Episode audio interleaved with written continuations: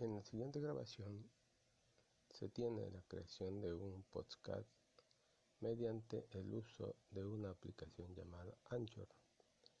Esta aplicación permite la creación de podcasts y eh, subirlas desde un smartphone.